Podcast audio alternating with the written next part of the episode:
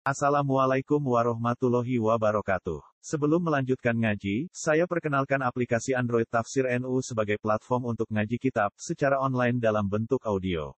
Tafsir NU berisi berbagai kajian kitab kuning dari berbagai ulama NU. Silahkan download aplikasi Tafsir NU di Google Play Store. Link download ada di deskripsi. Wassalamualaikum warahmatullahi wabarakatuh. Bismillahirrahmanirrahim. Ma ahbabta syai'an illa kunta lahu abdan wa huwa la yuhibbu an takuna li ghairihi abdan. Ma ahbabta ora seneng sira syai'an ing perkara. Ma ahbabta ora seneng sira syai'an ing perkara illa kunta. Kecuali ana sira lagu maring se iku abdan dadi budak dadi kawula. Kowe ora seneng perkara kecuali dadi budake perkara iku. Bahwa wa halil te Allah taala iku la yuhibbu iku ora seneng sapa Allah. Antaku nayen to ana sapa sira liwai iki maring saliyane Allah Allah ra rido ra seneng nak iku ana kanggo liyane Allah ana iku abdan dadi kawula.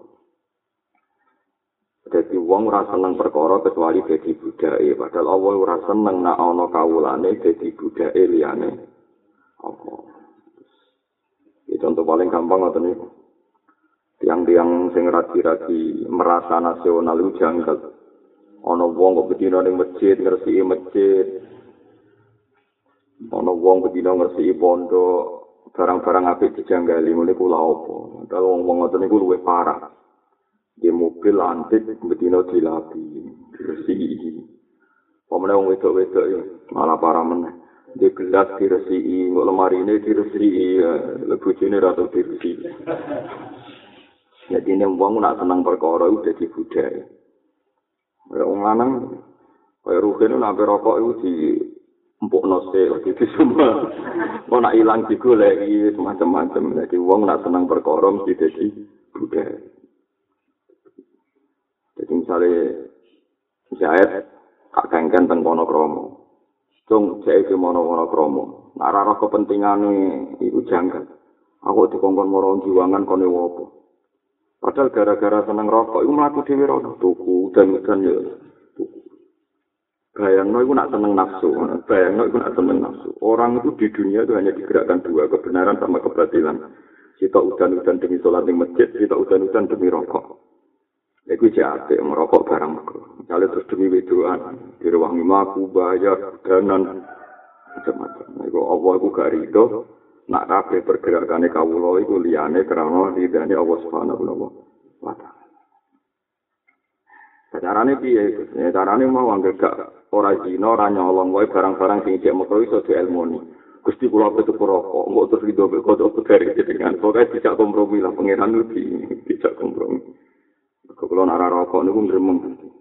Nang gremeng ora pati rido, mulane rokok. Enggak semen kita kok pengiran ini kan. Apa rido kok kakek pola. Apa rido kakek apa? Syarat. Ayo ya sembuh ya ora roh. Tapi pengiran boten boten boten sinis ngoten mun tak jamin ya boten boten.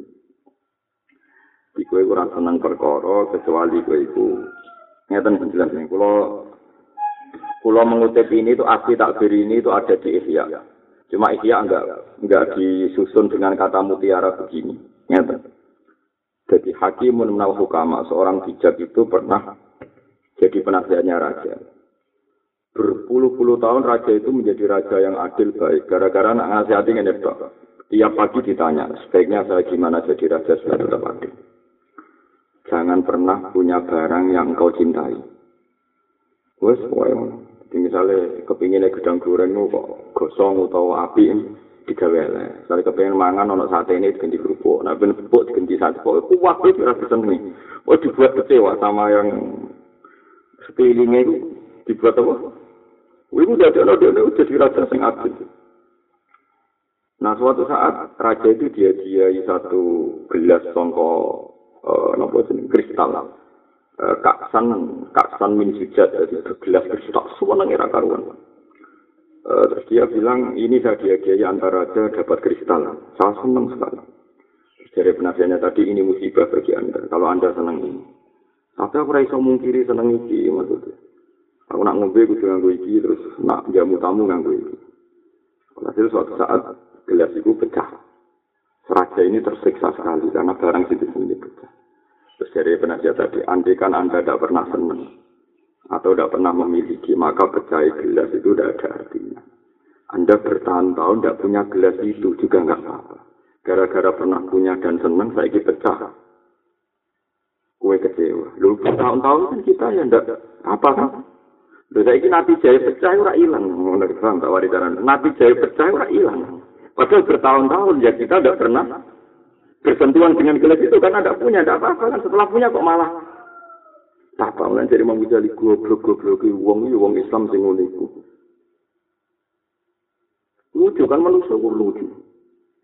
Misalnya kita orang miskin bertahun-tahun tidak punya mobil, tapi setelah punya mobil itu bergantung mobil. Padahal kita punya reputasi puluhan tahun, iso seneng tombol mobil. Bujuk yang mana? Zaman ke Joko ya sesuatu Barang dipuji itu senangnya bergantung ridhanya apa? Wah akhirnya budak kan. Mestinya kayak gitu berpikir. Dek berpuluh-puluh tahun aku tanpa anda surip. Anak jatuh saya tahu di jajal. Ya boleh kita senang ya. Akhirnya kau senang. Nah itu repot. Mana faroe taman itakhuda ilahahu hawa. Jadi tawarai sampai. Ini gawe ulama-ulama riyen ngantos Imam Ghazali ngantos Sika. Pokoknya yang dunia itu gawe kecewa. Maksudnya kayak kecewa itu. Iya gue mau dilatih, ojo no sing buat senengi tenanan liane Allah Subhanahu wa Ta'ala. Sehingga kowe ra gampang kecewa. Maka sekali kowe seneng mesti jadi budak. Ya, sekali kowe seneng jadi budak. Dia mau jadi, dia mau. Cara melakukan kita ning masjid, pendak Jumat. Tapi melakukan kita demi tuku rokok, tuku sate, tuku bakmi. Bicara kilone agak ndi? Kowe mlaku demi wetengem mbek mlaku demi masjid cara dikilokno pangeran sampeyan itu Kemudian nak sing seneng kuliner malam akad jajan ini Malioboro. Mau malam akad berikutnya mau Solo malam akad berikutnya itu ini cuman takoi pangeran. Kue demi masjid tahu Jumatan iki nih gue biduan, soben Jumatan yang Magelang, soben Jumatan yang Solo, demi ngekehno seksi, nak kue jum, Tapi demi kuliner kue melakukan makanan-makanan yang kamu dengar buat jajali kabeh. Gue pengalaman kuliner. Ulama harus berteriak, meskipun ini tidak populer, ini coba nanti bisa pangeran. Berapa jumlah perjalanan anda demi wetengan? Wata lah kusti Nak demi masjid, ya jumatan bibir kulo. Nah, itu walhasil kue nak senang perkara, jiber, budak. Demi senang mangan nih gue warung tertentu gue kudu kuda dan kudu antri macam-macam sementara kira siap antri demi kebenar kebenar. Nah haram ora kira nanti haram ora tak jamin nak nanti haram buat ini ini mau cerita gue perbandingan gue ora senang perkara kecuali ke ibu. Bahwa lah ibu antaku nanti gue irihi apa apa kurang seneng nak ono pergerakan sing liyane demi ngawula ning Allah Subhanahu wa taala. Dene Allah ora rido nak kawulane diperbudak liyane Allah.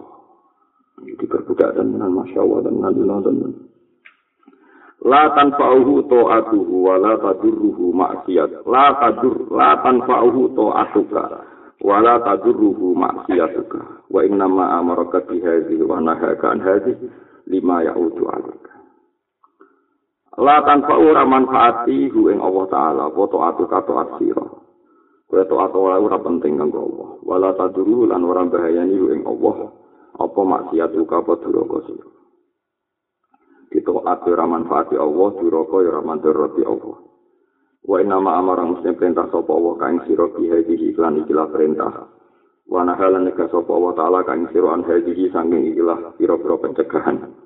Gamangane bihadi bihadi makmurat ya anak wa anaha kan haji en an haji mandi mandiyat. Lima korona perkara ya udu kang bali apa mah ale kang atas sisi. Jadi nganti Allah wajib no sholat. Mencoro sampai ngalami usul kados kula niku seneng. Misalnya ngeten gitu untuk gampang. Ya balik wau niki pinter hikam, meskipun sawangane ora ana hubungane tapi ana hubungane. Ini pinter hikam. Dia tak warai, dia sampai tak warai mikir cara ulama sing usul. Iki pinter hikam, pinter Imam Ghazali. Jadi hikam niku murid putune Abdul Hasan Asyadi. Hikam niku murid putune Abdul Hasan Sinten Asyadiri. Abu Hasan Asyadiri buatan gada karangan kita. Tapi fatwane terkenal gara-gara dua murid. Kramate murid itu nak nulis itu tumancep neng hati. Ya itu hikam. Ibnu apa ilah asakan dari. Zaman segini raja keramat. Panca-panca ini sodomi bermacam-macam. Hikam pengarang hikam raja keramat. Tapi ini dua keramat nak nulis itu dikenang. Zaman guru ini segera. Jadi Abu Hasan Sadari itu menangi Ibnu Atailah kecil. Tapi ini lewat Ali al khawas Jadi intinya itu butuh murid nawa. Butuh nawa murid. Lu nak ngarang dikenang sak dunia nganti kan bisa dunia itu kitab tasawuf niku sing tinggu spesial ya kitab. Kitab. Ngadu nawarai ya. Wau kan ngoten ya, uang lu nak seneng perkara, iku diperbudak. Ya uang nak seneng perkara diperbudak. Ini rumah tenang ya. Pokoknya sampai nak salah bahaya, ini urusan tak ya Saat ini ngeten, sama tak gede. Misalnya Ruhin itu yang suge, sini rak dhuwur. Kira-kira terus dikongkon tandane. Dikongkon ora aja dulu, hen.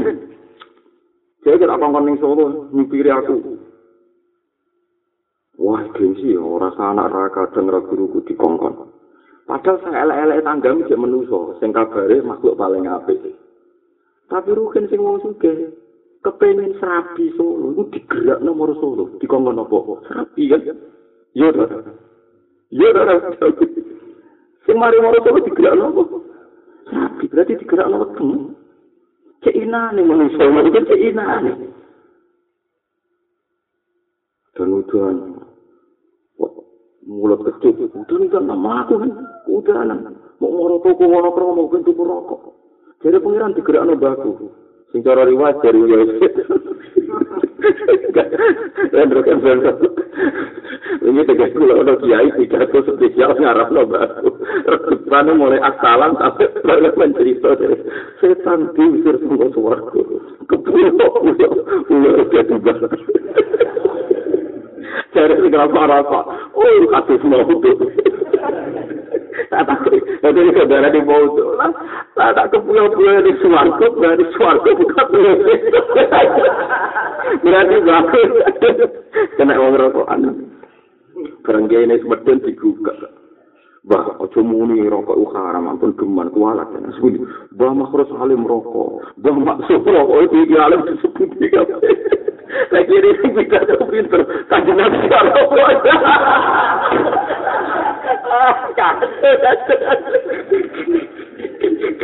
Tapi kira orang tua lagi nggak tahu sih.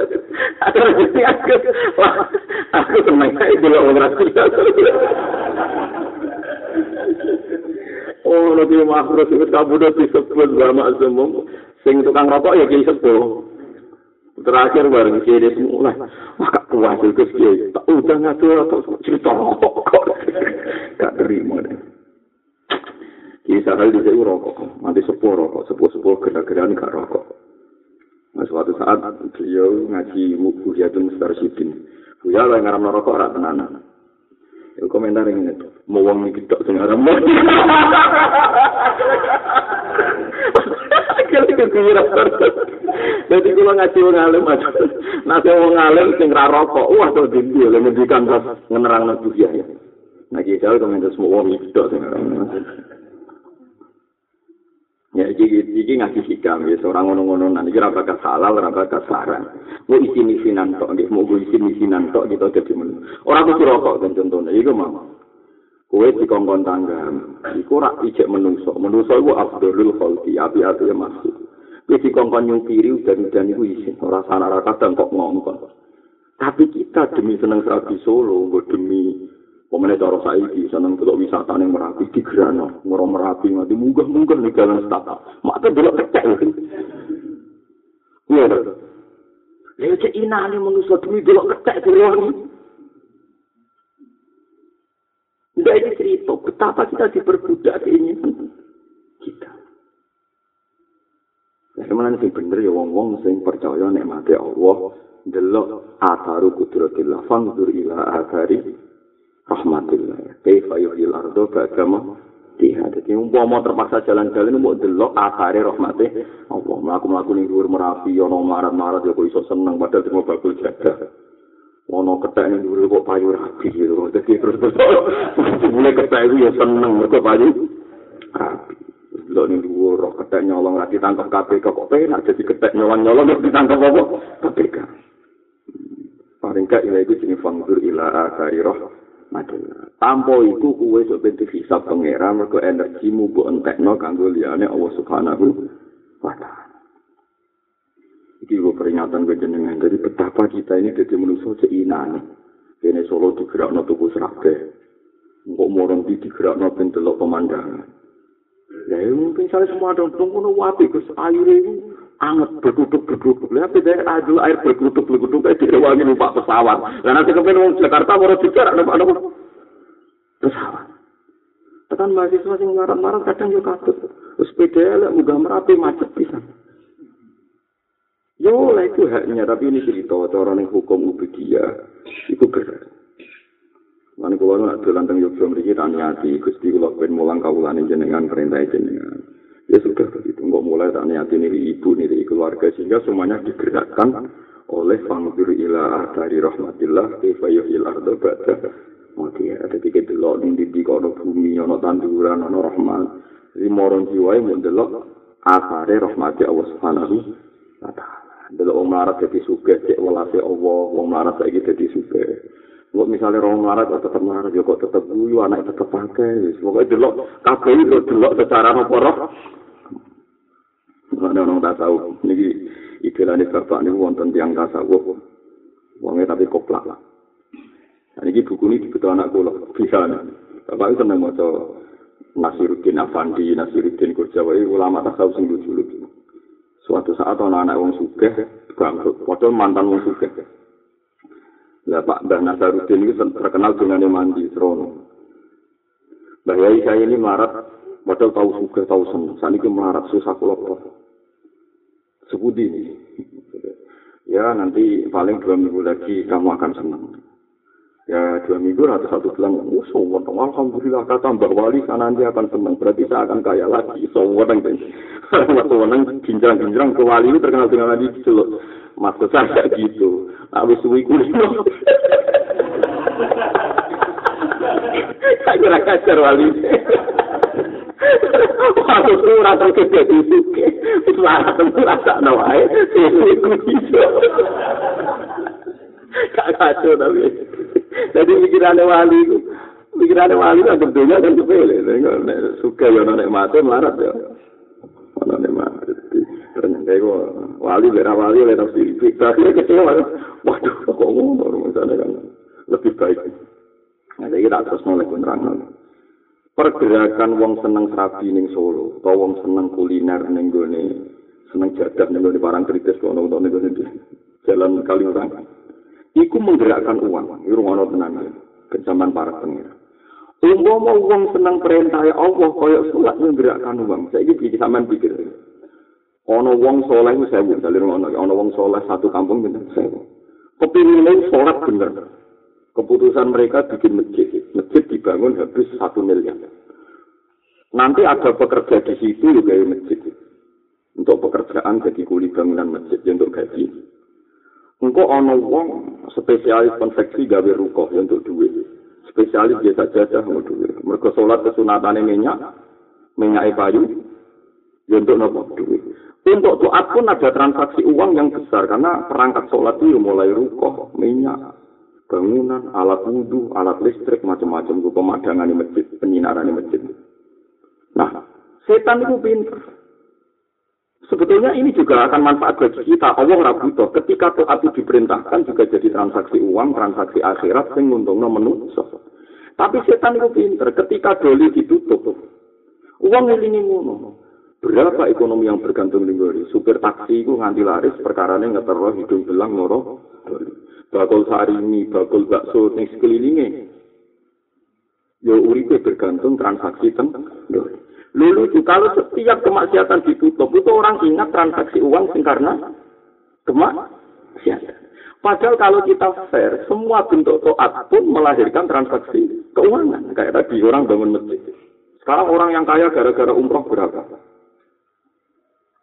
Melibatkan pesawat, tiket, imigrasi, kabar. Padahal itu orientasinya toat. Dia orientasinya. Tapi sama Las Vegas.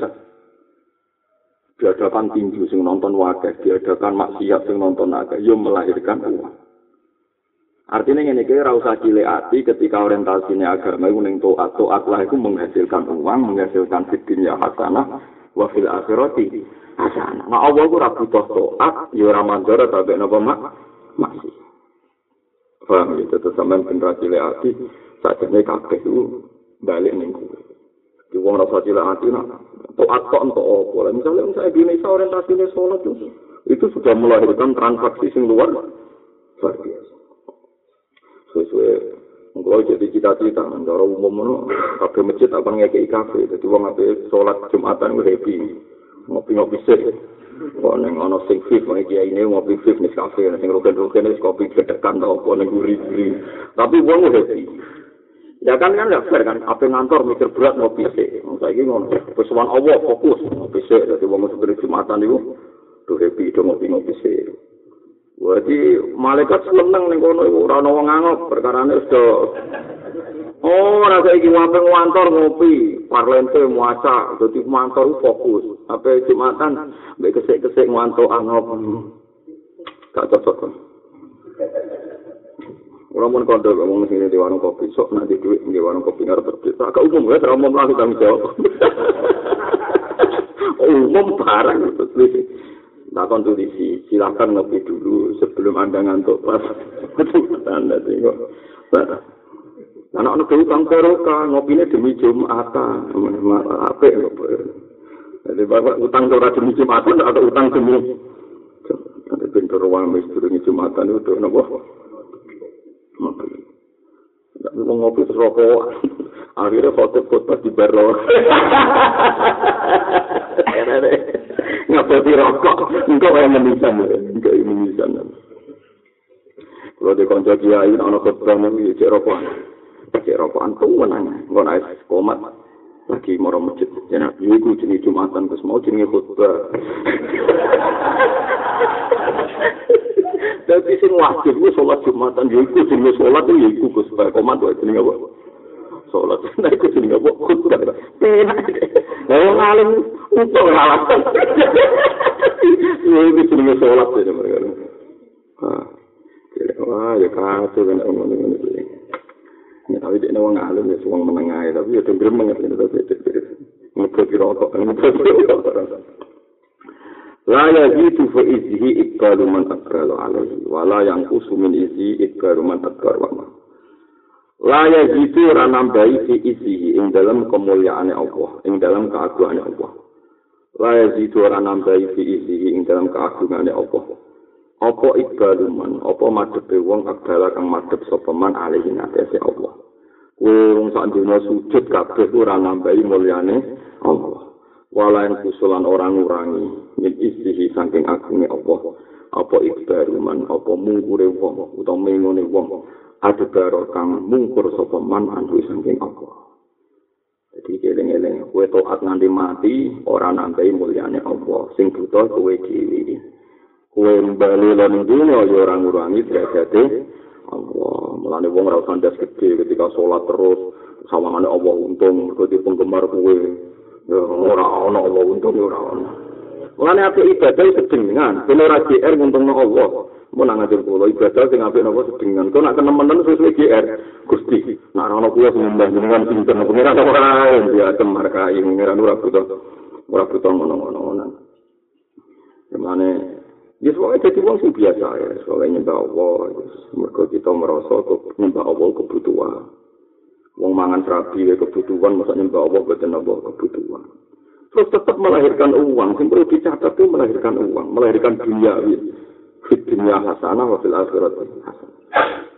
Pun ini penting tenan, kalau ngumpun, kalau pun meneliti beberapa kitab, pun kalau istikharoi, kalau sholat tahajud, Dunia itu kuncinya itu situ agama. Kudu gelem ngakoni si dunia hasanah. Mau nang ngandel dulu. Set agama itu ngakoni nak nyekel agama ya ono si dunia hasanah. Buat misalnya wonton tiang pengusaha besar. Akhirnya rapi gampang mergo duwi akeh. Kuwi dadi kiai gedhe ya rapi gampang mergo pengaruh akeh. Tetep ono dunia niku sing diilingi dengan Allah nak ngibadah ora bakal rugi. Nggih to. Ana wong tukang khianat, tukang dagangan narkoba, gampang duwe-duwe akeh. Padahal krono sebab maksiat. Ana wong terkenal al-amin, kena dipercaya ora tau bodoni, nak kerja profesional yo duwe akeh mergo sing percaya akeh. Ana wong terkenal ngrayu wong wedok liwat bodoni, yo gampang dibuli wong wedok. Tapi ana wong terkenal ora tau selingkuh, jujur, terkenal apian ra bakal khianat. sing kawedok seneng yo. Mulane Allah dawuh ning nabi ini aja geman to ati mbok anggap penghalang untuk hazun dunyawiyun. Mergo padha-padha di potensi untuk barang nopo dunia. Ini penting kula aturaken karena sekarang banyak fatwa orang-orang zuhud sing karena cara Imam Syafi'i lam ya summa hatal ilmi karena orang mengambu ambune ilmu nak fatwa seakan-akan agar zuhud itu ngilangi fitnya nopo Nah itu salah besar dari Imam Syafi'i. Kok prakteknya dunia ini sama. Andai kan saat dunia akad, dia transaksi masjid juga menghasilkan uang. Paham ya? Karena kalau masjid itu sehat, misalnya ada masjid gede, kan sing sholat wakil. Kuli bangunan untuk gara-gara sholat akeh warung-warungnya ya laris. Gara-gara sing sholat akeh ya ono parkir, macam-macam sebenarnya sama. Tapi kenapa untuk doli orang gampang berpikir ini kalau ditutup berapa transaksi uang tinggi? Iya. Nah, misalnya masjid rame ini tenanan, ya ngelahirkan beberapa nopo transaksi kan? Sama. Jadi sumber diketahui, terus ojo geman to ati bu balik nang Allah. Mergo wong mung sangka Allah ya ora ndekno kurangi Allah. Wong to ati Allah ya ora ndekno mulyane Allah yakinlah bahwa dalam taat itu ana fitnya hasanah wa fil akhirati hasanah. Tapi nak dalam maksiat iku wa malahu fil akhirati min khalaq. Tapi nak dalam maksiat itu dunia bentuk, tapi akhirat ora untuk nopo bagi bagi. Bon bon. Bon tadi kita bakat ilmu usul nih. Ini yang paling penting ini hasil hikam nih. Wusuluka ila Allah ta'ala wusuluka ila ilmi bihi.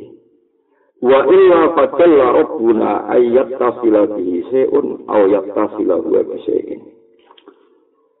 Usuluka utawi oleh tumeka sira wong kecelok usul ila Allah. Salih Abdul Hasan Asadili wis usul.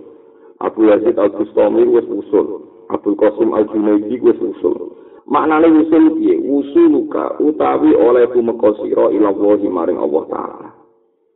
Iku usuluka iku oleh tumeka sira ila ilmi maring ngerti utawa ma'rifat bihi Allah taala maknane usul ning Allah ora kok kowe jejer Allah secara fisik. Allah kok jejer kowe ora penggawean Allah kok jejer kowe ora mungkin. Wong usul ning Allah maknane ngerti utawa makrifat tentang sifate Allah. Mergo ora bakal kowe sing hadis iso jejeran be Allah sing kodi. Masuk ke ben swarga wong ora iso. Usul ning Allah dengan arti jismani boten saged. Mergo Sama rasa takok kula. Jadi ini iku lho Gus wong nang swarga ngerti Allah, iso suwane Allah.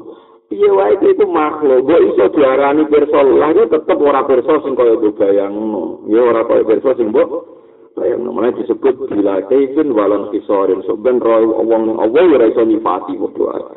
Ya rohul mukminuna bi ghairi kaifin. Soben wong roh Allah Allah ning akhirat iku ya tanpa iso nyamati ora iso detail. Cuma bisa diistilahno pirsa, tapi ya ora roh. Mergo sifat kodim iso tersentuh sifat hati. Lah carane usul piye ya kok ini ngerti Allah itu dat sing suci, dat sing akbar, dat sing agung. Mulane nomor satu lati berikuhul wa huwa yudrikul absor. Allah itu raiso meripat-meripat ngene iki roh Allah detail raiso. Cuma nak Allah ngersakno kowe roh kowe dianggap roh terus kono rasa roh, tapi tetep bila kae tetep ora ana takayuf. Raiso kowe iso bayang bayang. Mulane dari Imam Ghazali, kula seneng masalah fatwa Imam Ghazali seneng. Wes dari Imam Ghazali, kowe ngandel aku, aku di sana ke Imam Haromen ke Rasulullah. Pastikan ilmu itu dua asas-asas dasar atau fondasi. Sehingga semua ayat Quran atau hadis sing Allah ya khullu fi makanin tempat ning satu tempat itu hilang. Carane piye? Carane ngene gampang. Ya carane tak warai. Kulo jenengan mulai zaman ibtidak, zaman sipir, zaman lah. Diwarai, aras tinggal sinten, aras. Nah, jawab aras tinggal sinten, Allah. Kursi tinggal Allah. Berarti statusnya aras Allah. Makhluk. Kursi, makhluk. Nah, sausai ke ngaji, rodok tua-tua ternyata ngerti. Misalnya, Ar-Rahmanu alal arsistawa, Allah bersinggah sana nih, aras. wasi kursi yuhus samawati wa aras kursinya Allah sehingga sanane Allah itu ambane langit itu. Kemudian mungkin ada terbersih kita loh. Berarti Allah manggon kursi, Allah manggon ning aras. Dewi Imam Ghazali. Balil arsi wa hamalatu mahmuluna bilutfi kudrati. Statusnya aras dhewe eksistensinya gantung kudrohe Allah. Statusnya kursi sebagai makhluk eksistensinya ya gantung kudrohe Allah. Mulane sak wong yakin nak aras iku digawe Allah, kursi digawe Allah, ora ana pengaruhe, ana istilah Allah sing gasanane aras. Mergo kuwi wis tertanam ning ati aras trimo makhluk. Paham ya? Paham ya? Ya artinya kan nggak akan nggak akan jadi masalah kan informasi itu karena kita tahu statusnya aras diciptakan Allah. Kursi ya diciptakan Allah. Lah saiki wong mana diprovokasi setan ketika ana Allah manggon aras seakan-akan Allah itu butuh aras, butuh tempat sih. Mestinya cara berpikir gak wali. Aras itu asal usul ono? Allah. Berarti aras tau ora ono kan? Tau ora ono. Dan ketika ora ono Allah ora piye tetep pengiran. Berarti Allah ora butuh aras. Paham ya? Ketika Allah gawe nabi, gawe manusia, Allah tetap pengiran. Berarti Allah ora butuh nabi. Saya kira tak dunia mayoritas jahat. Allah ora runtuh orang guling. Siapa yang guling no pengiran? Nah, mulanya orang manfaat itu atau wong toat, lan orang mader roti, maksiat wong sing. Termasuk orang anane aras, orang anane suwarga, orang anane kursi, ku kabeh orang no pengaruhnya ning Allah Subhanahu wa Ta'ala. Nah, itu jenenge wusulu ka ilallah, wusulu ka ilal ilmi. Jadi dia usul ning Allah mergo ngerti, nah Allah ora butuh aras, ora butuh kursi. Ora kok malah secara fisik, aku kepen dadi wali, ben iso jejer. Allah bener rasane nunggu kursi jejer. Wah, dia semenir nopo bayang no. Mulane sebener ulama-ulama di sini, ora usah bayang ngono-ngono iku. Maka taro bibalika, fawahu bihilafi, dari. apa sing gumrenjet ning atimu nek Allah ngene berarti Allah ya ora ngono. Ya bukan Jangan-jangan Allah ngene ya ora ngono. Mulane wong wiridan sing paling dhuwur pokoke ora ngono. Engko misale banyak masuk gene swarga suwan Allah Allah lu kursi ngene-ngene terus mulai ngak aku ya pokoke ora ngono. Mereka nak koyok sembuh bayang berarti Allah mirip bebek makhluk. Pokoknya tidak gitu. Boleh pikirannya tekan jangan-jangan begini ya tidak gitu. Jangan-jangan begini ya tidak gitu. Makhotoro bigalika fawahu bihilafi lalik. Apa sing gumrenjet ning atimu nek Allah ngene, pokoke Allah ora orang ngene. Itu disebut apa mukhalafatul lil hawadis. Lah anak kowe wis usul meniki, berarti wis usul ning Allah Subhanahu wa taala. Dadi usulu ka ilallah, usulu ka ilal ilmi bihi. Mone lengi-lengi ini kok penting nih gue ilmu usul. Jadi rasa bayang nih gue jejer pangeran macam-macam. Ya iya kok lamun orang ngono, maksudnya orang ngono nak mana nih usul mau tentang makrifat. Fajal lamun kau mau luhur sapa robbina pangeran kita. Ayat kasila ini yang kau ketemu di robbina pose ono perkara. Ayat kasila kau ketemu sapa Allah ya Allah bisa ini lan perkara. Allah itu mau luhur ora bakal sifatnya Allah itu dari Allah itu bersentuhan ke sesuatu utawa Allah bersentuhan ke sesuatu. Gak mungkin sing makhluk jejer Allah sing kodim utawa Allah sing kodim jejer gue sing hati mereka barang kodim ke barang hati serana hubungan orang hubungan. Paham ya? Jadi wa illa fajalla rabbina ayyakka sila bisyai'un au yakka sila huwa nabu bisyai'in eling-eling itu terus kula waca sarah iki ben sampean gak salah paham kula waca mangke Ya kalian mungkin kalau lagi ngaji tahun ngaji bulan depan kan pas Ramadan ya. Pokoknya kalau nak Ramadan hikam libur gitu. Terus ini Ramadan ini hikamnya apa libur. Kalau yang biasa umrah jelas-jelas itu versi turu. Padahal jelas-jelas lu ya itu kan. Al-wusulu ila wa kala wa sarai. Al-wusulu ila wa mergo niki wong sithik-sithik muni wusul sithik-sithik muni kula wacana. Al-wusulu ila wa ta'ala allazi yushiru ilai ahli hadhihi tariqah. Utawi maknane usul ila wa allazi kang yushiru kang isyara ilai maring lagi sapa ahli hadhihi tariqah sapa iki ahli tariqah. Huwa ya wusul al-wusul iku temeka ilal ilmi maring ngerti al-hakiki kang hakiki billahi ta'ala. Dan wong ora salah paham sih tak sithik mulai usul gak tau roh maksudnya. Usul tenang di ulama iku perkara ulama ngerti ilmu hakiki tentang Allah taala. Sing darani usul ning Allah menurut ahli tarekat maknane usul yaiku ngerti ilmu hakiki billah. Ilal ilmi al hakiki nawa billah. Wa hadzal tawiki wa ya hadzal ghayatu salikin dadi puncake wong sing ngambah ning dalane Allah. Wa muntaha sayri sairin wa muntaha wa muntaha sayri sairin man dadi puncake utawa batas akhire mlakune wong sing mlaku menuju Allah. Ora kaya wali-wali sing jarene wali tapi bindone ra karuan yang kene usul ila Allah terus baru dene wakaf dhewe swarga be Allah. Masih kene swarga tetep ke makhluk. Allah kole barang makhluk be kole ora ono hubungane. Soal jarane kersa Allah tetep kersa bila kaifin walam bisa. Mun jelas ya. Jadi al-usul ila Allah napa huwa al-usul ila ilmi al-haqiqi billah. Wa hadha huwa ghayatu salikin wa muntaha sayri sayri. Bukan kalau niki. Wa amal usul ana pun kaitu mekko al mafhumu kang den fahami dena zawati antarane pira-pira zat fa huwa mongko te Allah iku muta'alim iku zat sing luhur sing tidak akan anu sanging usul dena zat ora bakal antarane zat makhluk bersentuhan utawa usul bedasi Allah Subhanahu wa taala. Iki jelas ya. Wa amal usum al mafhum bin zawat fa huwa muta'alim anhu. Napa fa huwa muta'alim anhu. Niki jare. Wa qala al-Junaid maksudnya Abdul Qasim al-Junaidi radhiyallahu anhu. Komentare ngeten. Mata ya tafsiru man la syabiha lahu wa la nadhira lahu biman lahu syabihun wa nadhirun hayhata hadha hayhata hadha. Mata ya tasiu, kapan iso ketemu sapa mandat la syabiyah kang ora ana serupa mujud lahu kededat. Wala nazira lan ora ana padanan iku mujud lahu kededat. Bagaimana mungkin Allah sing tanpa kembaran, tanpa padanan, sing ora ana madani, ketemu biman kelawan wong lahu kang kedue man sabihun ana serupane wala nazira ana tondene. Bagaimana mungkin zat yang tidak menyamai makhluk sama sekali ketemu makhluk sing kembarane pirang? Jadi kamar itu orang mungkin. Hei hata, aduh banget hata. Hei hata. Maksudnya orang mungkin, orang mungkin. Padahal sing jawab Abdul Qasim Al Junaidi, wong sing terkenal usul. Mana nih berarti Abdul Qasim Al Junaidi usul, usul ilal ilmil hakiki billahi ta'ala. Hadal taiki zon menunggu penyangkaan ajibun kang aneh. Illa bima latofa bihil latif. Illa bimala tafakat wali kelawan yang melati sapa Allah tifudat Allah sing latif min haitsu la tarka wala wahma wala ihata min haitsu la tarka wala wahma wala ihata Jadi kue soben suan Allah yo ora iso nyifati Allah tanpa ada penemuan. Jadi kira iso soben ahli swarga, aku ketemu Allah. Berarti aku sudah menemukan Allah. Makanya saya sekarang bisa menganalisis Allah itu begini.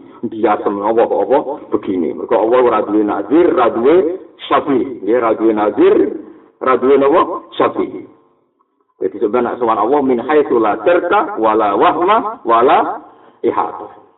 Niki jelas mau ana tauhid sithik. merovokasi wong motivasi mbek nek ning swarga sowan Allah dadi saged mirsani Allah nek wong awam diomongi ngono Soalnya bayangannya ya awam dhewe, lagi di dhewe ya awam di sana ya, nah, waduh gini, awam ngerameni agamu. Min haitsu la tarka wala wahma wala ihata. Illa isyarat al yakin kecuali mau iso isyarah mergo yakin wa tahqiqul iman dan nyatani iman. Mana nyatani iman Pokoknya nak Allah darani ngono iku pirsa ya pirsa. Nak darani Allah ra pirsa ya ngono iku jenenge ra pirsa. Pokoke anane kita iku mau yakin be iman. Kemana katanya ten? Sekolah saat ini kan urip. Ya urip, ya di duwe, iso ambekan, ya di bujo, macam-macam. Terus kalau muni, aku itu dirahmati Allah. Ya wis, kita ora tahu roh, mana nih rahmat itu piye, terus Allah itu piye. Pokoknya kita nak sujud, ngono iku darane nyembah Allah. Allah darani lewat syariat nek wong sujud nyembah Allah ya ngono iku jenenge nyembah Allah. Ki ora usah bayangno liya-liyane, ya ngono iku. Iki jenenge ila isyaratal yakin wa tahqiqul iman. Boleh nak Allah Allah darani kita roh ya kita muni. Nak darani ora ya kita darani ora. Mergo kita ora mungkin nyifati Allah kecuali dengan Allah nyifati zati piyambak. Lah Allah nyifati zati piyambak laisa kamislihi syai'un la tudrikuhul absar wa huwa yudrikul absar. Lah tapi kan Allah nyifati kita sepen roh ning swarga ya pokoke anak ngono wae. Wujuh yauma idzin nadhirah ila rabbiha nadhirah. Sepen kita ning swarga iku ngerti pangeran. Tapi masalahnya kita muni ngerti. Karena kita kok Gus mau jadi orang ngerti kok saya ingin ngerti. Ngerti ini makhluk sing goib gak nganti sepi roh. Saya ono wong Amerika ngerti Mars misalnya, gue ngerti satelit, opo sing aneh. Ngerti ini manusia gak nganti Wong umpama wong ngeklaim roh maros wae ngerti ini ora sempurna. Apa meneh ngeklaim ngerti Allah Subhanahu wa taala. Maksudnya umpama di ngerti ndak nganti ngerti ini sepi. Mane misalnya padha misalnya ana wong aku suka duwe apa wae. Kata-kata suka duwe apa wae sing ngomong manusa apa wae paling isine darah duwe mercy di desa miliar. Ndak terus muni duwe apa wae duwe maras platunus. Ya ora. Artinya uang lu muni dua apa wae kan paling misalnya raja fatu suka apa saja punya. Tidak ada ini jeda paling pesawat tempur biro. Masa apa terus dua palanet. Paham ya? Tidak apa dua suwargo dua nopo. Lah podo ketika uang di istilah nomor sani Allah. Roy menuso udah nanti sepiro. Paham ya? Tapi berhubung cara iman wong kon iman ning swarga mirsani Allah kita darani ning swarga mirsani. Tapi kowe ya kudu tahu diri, mirsanine manusa gak nganti sepiro wong trimo manusa. Mulane umpama masuk ben pirsa ya min haitsu la karta wala wahma wala ihata. Paham ya? Ini penting kalau aturakan, dan uang ora sok nopo ruang Mohon kalau terus no ya, tenggene hikam ya. Kurbu kami hu antaku namusyahidan di kurbi. Ini hikam pak jagab, jadi ngendikan itu masalah-masalah usul. Iki terus no, jadi bombardir di token orang salah paham. Kur buka utai para kesiro minggu sangking Allah. Kur buka utai para kesiro minggu sangking Allah. Iku piye? Antaku nabi ento ono siro. Kue ono iku musyahid dan nyeksa milikur biji maring para ke Allah. Kue darani para Allah maknanya ke yakin. Nak semua perilakumu diseksa ini Allah. Semua nikmat sing ning kue songko Allah. Ikut kok maknanya. Para kening Allah itu kue nyeksa ini. Nah Allah itu para Lha illa kok lamun ora maknane ngono samin ae namung kon di antau te sira wa wujudu kurbilan para Allah. Kowe kok sapa kok ngaku para pangeran kowe iku hadis Allah. Kok iki kowe iku hadis Allah. Kok iki. Karena ngono kita darani para Allah itu kowe yakin nek Allah. Nah, lah carane yakin iki pokoke yakin kita iman Allah Pak. Pokoknya walhasil ini yang kini hikam membombardir kita dan gue ora tau bayang Allah itu fisik sing kaya umumnya fisik sing anda faham Lalu kalau nanti mau tentang kitab pesiak, tentang kitab-kitab ilmu kalam. Karena apa wong ahli swarga kok penggawaannya kelon, ngeloni widadari. Bariku mangan, bermangan, kelon meneh, mangan meneh. Mergo piye iku makhluk, tetep nek mati ning swarga bersentuhane mek makhluk. Kalau balen malih. Sak top-tope wong ku barang hadis. Engko nek mati ning akhirat ning swarga ya sing mati barang hadis. Rupa-rupane bidadari be makan. Mergo kowe wis kadung barang hadis. Dari apa wong swarga terus beda mek ning dunya. Saiki kowe ning dunya kepengin ngeloni wong wedok mangan apel, mangan sate. Engko ning swarga kegiatan apa? Menikmati barang hadis juga, lho bidadari kan barang hadis kan. Artinya diciptakan kan. Mergo kita itu hadis nganti itu akhirat ya tetap hadis. Sifat Allah itu kodim, orang bakal bersentuhan dengan barang Tapi kita tetap iman nak wong mukmin ning swarga ngerti pangeran. Yo kita sepakat, kita sebenarnya roh pangeran. Tapi yo roe manusa trimo apa? Lah yo mulane kira kaisin walang iso. Tetap ora iso nganalisis Allah secara detail. Itu disebut la tudrikul absaru wa huwa yudrikul absar wa huwa latif mergo Allah iku al-latif zat sing banget halus gak tersentuh tapi kowe jatuh kaya mutazila nak ngono apa ora iso dipirsani goblok kowe sing darani kowe pirsa Allah iku kebenaran mergo wujuh yo maizin nazira ila rabbiha nazira ben wong roh pengira ya tapi roh eh menungso trimo apa mun gitu jadi kita mana jawa hikam? Para kue neng pangeran yo mana nih para kue nyekseni para kue pangeran. Lah anak orang ngono kue itu sopo trimo hadis kok mau dijejer zat sing nopo? Koti mun kula waca gitu al qurbu al hakiki kula waca sarai iki mriki niki kata sing salah kula waca sarai al qurbu al hakiki qurbu wa minka Parak sing hakiki Allah parak kowe. Qala ta'ala wa idza sa'alaka ibadi anni fa inni qarib. Wa qala ta'ala wa nahnu aqrabu ilayhi minkum walakin la tubsirun. Wa qala azza min qail wa nahnu aqrabu ilayhi min hablil warid. Niki oleh ngetikan sarai hikam. Wa hadzuka uti bagian sira min dalika sange mengkono-mengkono para pangeran iku innama huwa.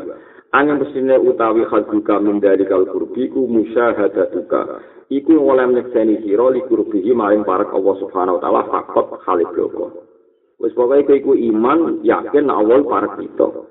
Fatas tapi tumongko ngalah faedah sira bihadil musyahadati kelan ikilah kesaksian syiddatal muraqabati ing banget ing jenenge Allah wa ghalabatil hidati lan menangi wibawane Allah wa ta'at lan tata krama bi adabil hadrati kelawan adab-adabe wong sing para pangeran. Dadi kowe yakin para pangeran iku benak lungguh sopan, ben ora maksiat, ben wedi pangeran. Iki maknane para ben kowe wedi. Ora kok terus kowe roh Allah lho kowe sapa? Wa wa amma anta wa amma anta anapun ta sira, sira makhluk. Fala yaliku mongko ora patut dikaklan sira. Apa illa wasful abdi kecuali kowe iku duwe sifat kebudakan.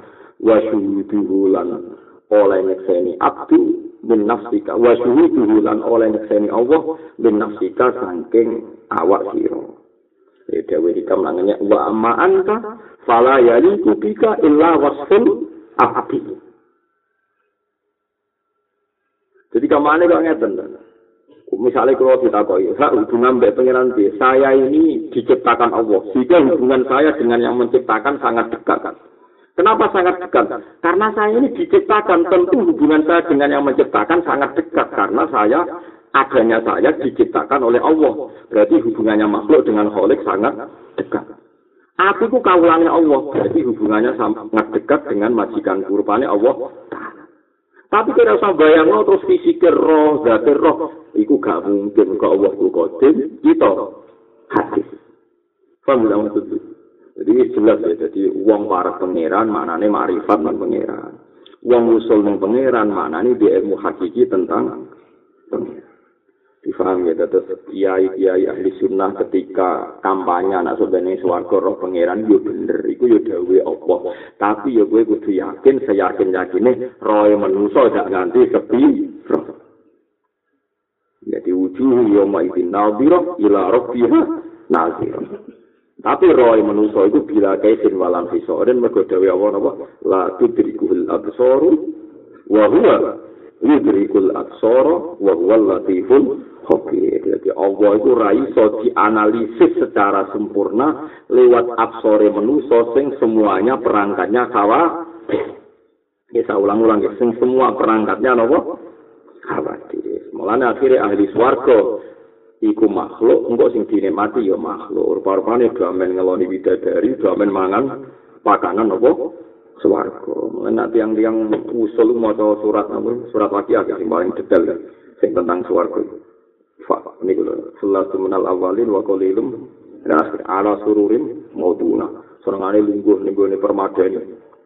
Ala suri maud muttaqin alaiha mutaqabbil. Satu se ya tu faling wildanu kala tun bi aqwa bi wa bayi Memang dadi wono anak-anak muda sing minuman. Ya minuman yo arak ning kono kan arak ning kono kan wis halal. Terus wakat terus lagi sos tahun agak walang sih bapak tidak tim lima ya harus makan makan buah-buahan. Walak mikairi lima sekarang makan makan terus kelon wah kurun eh kam salin duluil maknun jaza ambil makan yang manis. Nabi iki sing sewenang rabi macane uruban akroba. Dadi susule itu gede-gede wae ana. Wong kaya roh-roh. Akroba niku sing umure setara. Dadi kira-kira umure selawenan rokok wis widak. Terus Inna ansa'na hunna insya'a. Berarti kuwa ini perawan mana? Berarti itu bahasa iya. Ini suara kau mengono itu. Inna ansa'na hunna insya'a. Terus faja'alna hunna abkara. Terus jadi perawan mana? Mulai dia senang mau cewaki, yang kang alim dia senang mau cewaki. Untuk bujune wis ra ngono, tapi bayangno sing ngono. Repot. Artinya itu nak cara wong usul oleh nafsi ora ngono, oleh wong usul nafsi sederhana. Betapa wong paling parah pangeran bang terima makhluk. Ternyata yang swarga gletek ya ketemu nih makhluk.